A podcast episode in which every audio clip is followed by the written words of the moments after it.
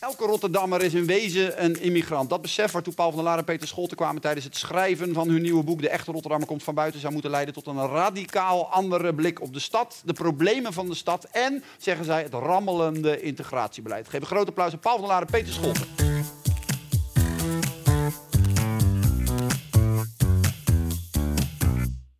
Hebben samen een boek geschreven. Maar eh, voordat we het daarover gaan hebben, eerst even de vraag: Paul, waar kom jij vandaan en wat dacht je toen je voor het eerst deze stad binnenkwam? Als Eh, immigrant of niet? Ik ben immigrant. Ja? En toen ik hier aankwam eh, in Rotterdam, dacht ik van hoe kom ik hier zo snel mogelijk weer weg? Oh ja?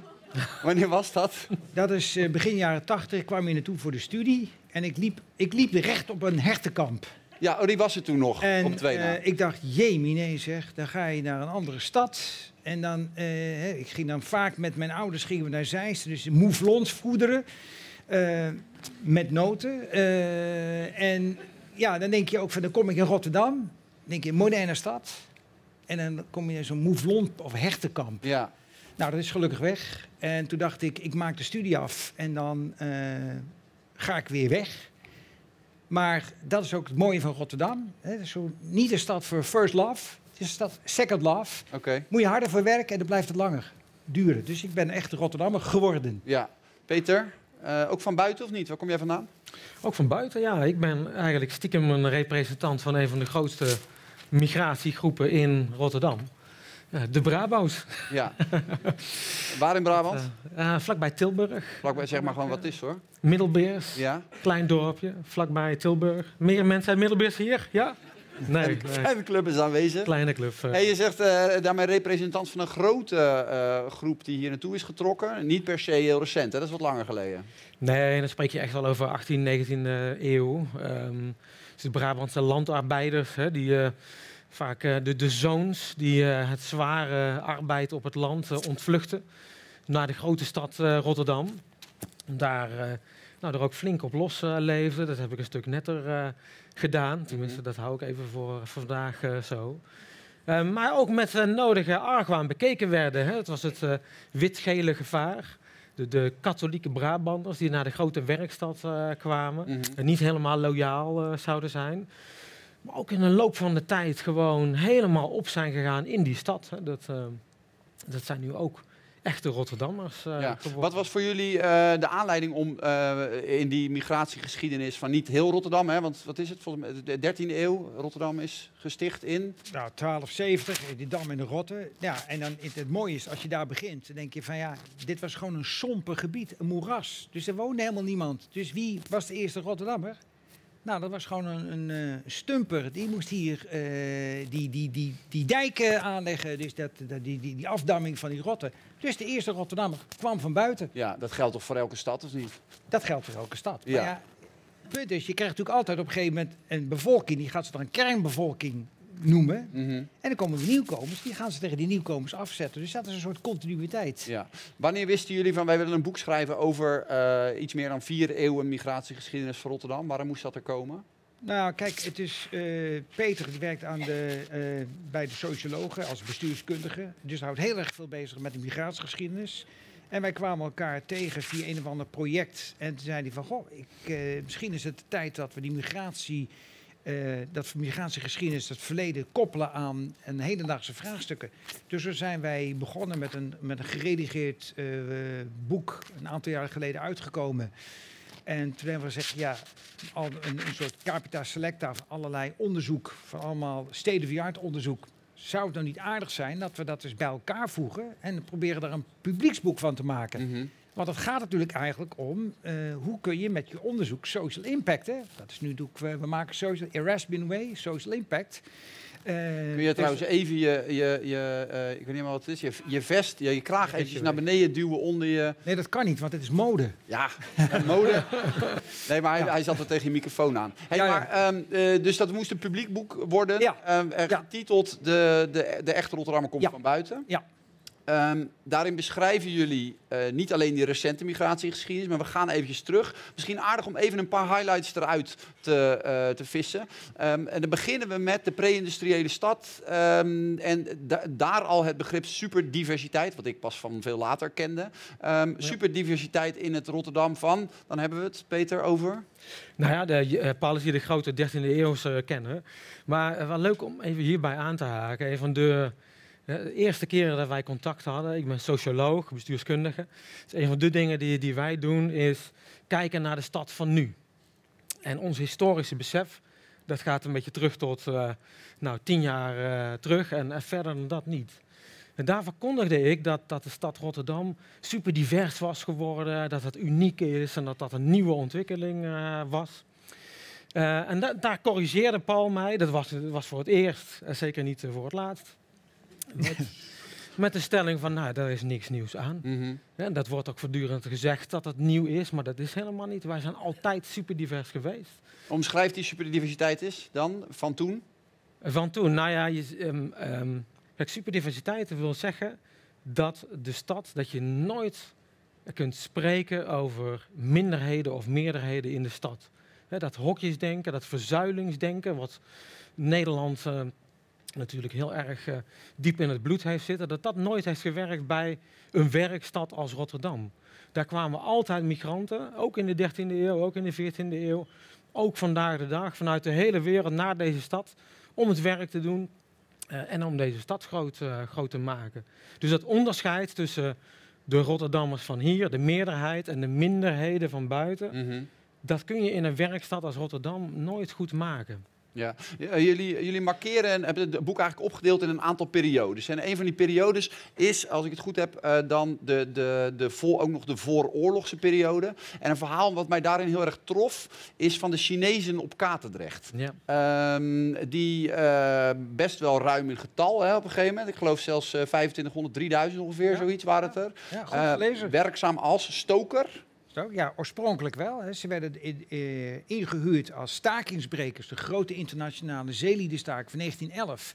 Dus die reders die huurden die Chinezen in. Dat zou tijdelijk zijn, maar die Mhm. bevielen zo goed. Want die, uh, nou, die, dus die reders bleven maar die Chinezen uh, aantrekken. Dus je ziet op een gegeven moment ontstaat op Katendrecht een Chinese gemeenschap. En die gaan boardinghouses beginnen, et cetera. En die gaan ook koken voor de... En ook op een gegeven moment, die, die Rotterdammers ontdekken dat ook, hè, want je kunt daar uh, lekker eten, veel voor weinig geld. Nou, dat doet het altijd goed. Uh, en er zijn ook de Chinezen na de oorlog groot mee geworden. Hè? Met je allemaal met je pannetje naar de Chinees. Uh, want dan kreeg je extra's. Mhm. Mm -hmm. Dat hadden ze snel door. Dat is goed voor de Nederlander. Dus die Chinese kolonie, en het is een heel interessant verhaal. En het keert ook telkens terug, omdat Rotterdam, omdat natuurlijk China ontzettend belangrijk is voor Rotterdam. Dus Rotterdam zegt ook altijd, ja, we hebben al sinds 1911 hebben wij een relatie met China. Uh, ze vertellen er nooit bij dat ze hun uiterste best hebben gedaan om de Chinezen er voor de oorlog uit te mieteren. Uh, dus die Chinezen na de oorlog zijn andere dan voor de oorlog. Maar het is dus dat verhaal van die diversiteit. En Katendrecht is natuurlijk een heel mooi voorbeeld.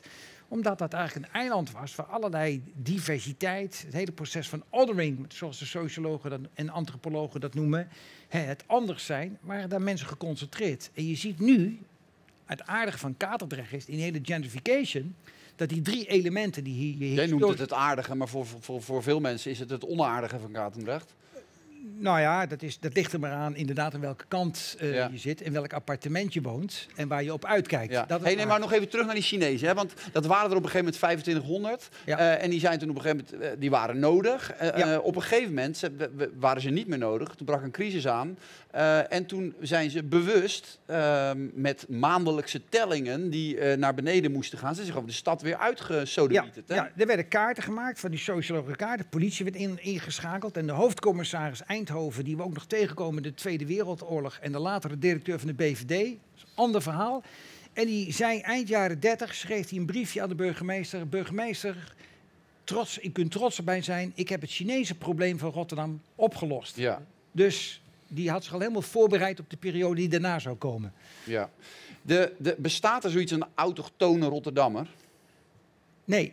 Zo er zoiets zou bestaan, is, eh, rijst er voor mij niet echt een fraai beeld van die eh Rotterdammer die er misschien al wat langer woont. Hè? Dus hier het, Nou ja, het waar- Chinezen probleem, op een gegeven moment Ja, nee, de, de, dat de is- Afrikaner eh, rellen. Ja, maar dat is natuurlijk, dat, dit, dat vind ik niet fair ten aanzien van de Rotterdammer. Want ah, kijk maar naar welke stad je ook kijkt, of, Mhm. vooral havensteden, naar Marseille onderzoekt, Liverpool.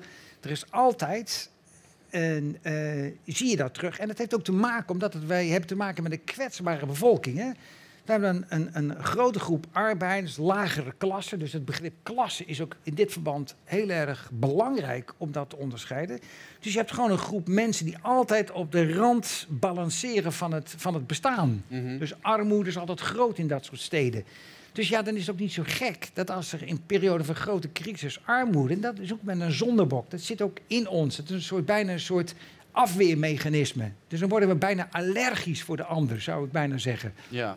Peter, ik had eh, op een gegeven moment race bij mij hebben die, de, de, de, de, de, de originele gastarbeiders die hier in de jaren 60, 70 hebben we het dan over, hè? 50, 60, Ja, 70. Ja. eh, naartoe kwamen. ehm, eh, waar die, die, die politiek be- bekommerde eigenlijk niemand zich om ze. Hè?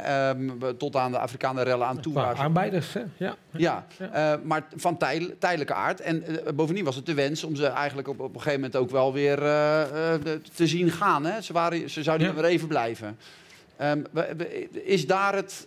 Ja, wat, is daar het, het, het begin van de, de problematische kant van de Rotterdamse migratie, eh, immigratie te vinden? Nee, geen zins hoor, eh, zou ik zeggen. Het, het, is een, het is een constante door de geschiedenis heen dat je, dat je van die periodes hebt eh, dat migratie geproblematiseerd wordt. Eh, dat heeft ook te maken met economie. Als het slechter gaat met de economie, slechter gaat met Rotterdam, dan praten we moeilijker over migratie. Dus toen gastarbeiders kwamen, eh, was dat heel erg nodig voor onze naoorlogse opbouw van deze, van deze stad. Nou, in een fase dat het wat moeilijker ging economisch, dan, dan zag je dat dat ging, eh, ging wringen. Het, eh, Rotterdam is, eh, Hoogstad zegt, eh, een, een stad van twee snelheden. Wij zeggen eigenlijk, het is een stad met twee verhalen over migratie. Die altijd aanwezig zijn in de stad. En soms wordt de ene wat meer eh, geactiveerd en, soms de andere. Het ene is het, het, het, het, het verhaal van problematiseren. De Chinese problematiek jaren 30 is niet zoveel anders als de problematiek rond gastarbeiders jaren 70. eh Polenproblematiek eh, jaren, eind jaren 2000, 2000 2010. ehm, dat, verhaal, verhaal van Pim Fortuyn, het verhaal van Leefbaar. maar daar staat altijd tegenover ook het verhaal van Rotterdam als een diverse stad. Een world port city, zonder migranten. Dat, is, dat kun je niet indenken. Het een kan niet zonder het ander. De stad van, van Dunja, eh, het, het straatfestival, straatcarnaval. eh. dus die twee verhalen, die zijn altijd aanwezig. En het is ja, afhankelijk van met wie je praat en op welk moment je met iemand praat. En hoe, hoe de economie eh, erbij staat, welk verhaal dominant is. Ja, ik vroeg jullie eerder van als we nou één les uit het boek zouden moeten trekken, dan is het wel dat integratie en beleid voeren op integratie niet werkt. Hoe zit dat, Paul? Nou, dat is. eh, als je het onderzoek laat zien, dan zie je dat we telkens proberen om eh, te integreren. in- Dan moet je altijd de vraag stellen: wie integreert in wat? En dat betekent dat daar proberen we een normatief kader vast te stellen. En we lopen bijna altijd achter de feiten aan. En eh, je ziet ook wat werkt het beste. En het is bijna een, ja, een sociaal-democratische agenda, zou ik bijna zeggen. Dus daarom is het onbegrijpelijk dat de Partij van de Arbeid dat in Rotterdam niet begrijpt, maar dit terzijde. Eh het gaat ook eigenlijk vooral om, de, om, om het wonen, het werken en scholing. Dat zijn het gewoon de drie pijlers waar je als overheid iets aan kunt doen. Op het moment dat je dat onderdeel laat zijn van een identiteitspolitiek, dat integreren normatief wordt, culturele integratie, ja, dan krijg je natuurlijk al problemen. Want welke norm, wat is dan je, het kader waarin dat integratiebeleid vorm moet krijgen? Je ziet dat ook, de grote worsteling, hè, Peter heeft dat allemaal uitgezocht, we hebben dat zoveel mogelijk proberen op te schrijven. In de jaren 70, 80, 90, Rotterdam loopt dan ook telkens voorop, is altijd een Heel interessant voorbeeld. Ook het experiment wat we nu hebben. Ja. Denken leefbaar. Mhm. Rotterdam loopt in die zin weer voorop op de rest van Wat vind je daarvan? Is dat, wat, wat- hoe kijk je? Is dat, is dat, Dat vind ik een heel mooi. Dat vind ik eigenlijk als wetenschapper vind ik dat mooi. Dat is een laboratorium. Dus ik kijk daar graag naar, want eigenlijk zie je dat denk en leefbaar doen precies wat de, wat de verzuiling deed na de Tweede Wereldoorlog. Ik bemoei me niet met, de, met jouw Bijbel, jij bemoeit je niet met mijn Bijbel. Jij eh, eh, blijft in je eigen zuil. En we spreken af dat wij met elkaar een aantal zaken willen aanpakken en we maken geen ruzie. Dus ik denk dat Denken Leefbaar hebben gezegd, je gaat niet meer lopen zeuren over die hoogte van die minaretten. En jij loopt niet te zeuren, te zeuren over die witte, maar we hebben witte, wit- witte Rotterdammer. Maar we hebben een agenda die we delen. Grote armoede, ongelijkheid, de hele klimaattransitie. We hebben het erover gehad, hè. Hoe ga je de ongelijkheid aanpakken die dat teweeg brengt? Al die mensen die een elektrische auto kunnen, kunnen betalen, op wie gaat uiteindelijk de rekening betalen? Dus ik denk dat aan die onderkant van de samenleving.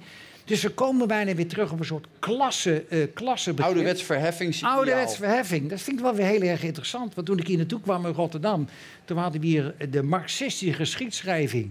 Eh, nou, misschien komt die wel weer een beetje terug. Die hebben Ja. voor die energietransitie volgens mij ook wel hard nodig. De afgelopen jaren heeft Rotterdam zich eh, gericht op het bouwen van hoge torens, het bewust eh, beleid maken van gentrificatie ehm, en het bouwen van een city lounge. Eh, hoe kijk jij naar de, het, het beeld wat, wat Rotterdam van zichzelf eh, wil vieren? Nou ja, eh, ik kwam net weer aangefietst over de Koolsingel. En dan zie je hoe, al hoe mislukt dat is.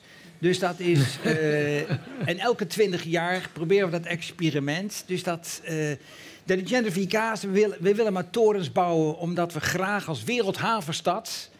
Daar hoort hem eenmaal, hè, Manhattan aan de Maas, daar hoort een toren bij. Mm. En de ene toren nog hoger dan de ander. En de wereldberoemde architecten zetten hun slechtste gebouwen neer in Rotterdam. Hoe kan dat? Omdat de stad de regie kwijt is over de publieke ruimte. Dat is een maatschappelijk debat dat je met z'n allen moet voeren. Nou, misschien het volgende boek, Peter. Eh, ik denk dat dat buitengewoon relevant is. Dus die hele gentrification, die eigenheid van de stad. Mhm. Je laten leiden door allerlei modellen. Huren mensen in van buiten die zeggen het moet- gaat die Maar ook het die op. tragische dat Rotterdam op zoek is naar een ander soort inwoner, lijkt het wel. Ja. Waar- waarom, waarom lukt het de stad toch niet om trots te zijn op die, eh, ehm, ehm, op, op die, op die, die, die, die- op die arbeiders? Omdat het- zij de geschiedenis van die stad onvoldoende kennen. En daarom zijn we zo hard nodig om dat er gewoon in te rammen. Op zijn Rotterdams. Oké. Eh, hé, dat is inderdaad zo belangrijk. Het is gewoon, we kijken vooruit. En af en toe is het heel, heel goed om achterom te kijken en dan zie je en die lessen te trekken. Maar het verleden is voor Rotterdam een hinderpaal. In plaats van dat je zegt, ik, ik gebruik mijn kennis van het verleden. We hadden het over de padafhankelijkheid in het eerste gesprek. Nou, dan zie je in welke valkuilen we stappen. Maar men leert onvoldoende van het verleden. Niet dat je kunt zeggen, het is een rechte lijn uit het verleden, kun je doortrekken naar de toekomst. Zo naïef moet je ook niet zijn als historicus. Maar er is onvoldoende begrip voor de kennis. Ja, dat, het is misschien wel een nationaal probleem, maar in Rotterdam in, eh, in misschien een sterkere mate. Nou ja, dat is mijn missie. Lees dat boek, eh, Peter. Is het pleidooi hier, of niet? Lees het allen. Ja, voor wie, wie eh, als je nou, als je nou eh, drie exemplaren mag uitdelen, naar wie zouden die toegaan? Goh, ja, ja, volgende week gaan we het in ieder geval aan onze eh, nieuwe wethouder samenleven, Fauzi Akbar. Want hij, hij heeft natuurlijk de schone taak om het verhaal, het migratienarratief wat wij neer proberen te zetten, om dat ook te vertolken. Ook al hebben wij wel een beetje de onnuchterende boodschap voor hem. Hè, van ja, beleid maakt eigenlijk niet zoveel verschil. Hè. Het beleid maakt de stad niet. Integratiebeleid werkt niet. eh. dus eh, ik zou zeker eh, aan hem. Ik, hoop, ik hoop toch dat het boek een plekje krijgt. ehm, op de schouw of wat dan ook van de mensen. Van alle Rotterdammers. Van alle diverse achtergronden die we meebrengen. Dat men dat boek gaat lezen. En of jij nou voorouders of grootouders hebt die uit Brabant komen, die uit een stad ergens ten noorden van Rotterdam eh, komen, eh, of die uit, Rotter- uit, uit Marokko komen of uit Brazilië komen, dat je het boek leest en dat je je herkent in het boek. En dat je denkt van ja, dit gaat ook over mij. Ik ben ook een echte Rotterdammer, want dit verhaal heb ik ook meegemaakt en heb ik ook gemaakt, dat verhaal. Als het dat gebeurt, dan is dit boek een groot succes. Oké, ik vond het ontzettend leuk om te lezen, dus ik raad het u van harte aan om het ook te doen. 17 februari, volgende week vrijdag in de winkel en gepresenteerd in Verhalenhuis Belvedere. Vijf- we, we hebben het nog niet eens over de skyline gehad. Ja, daar gaan we bij de borrel over praten. Over jullie migratie Skyline. Mogen mensen in het boek allemaal lezen. Geef En een groot applaus. Paul van Laar, Peter Schotten.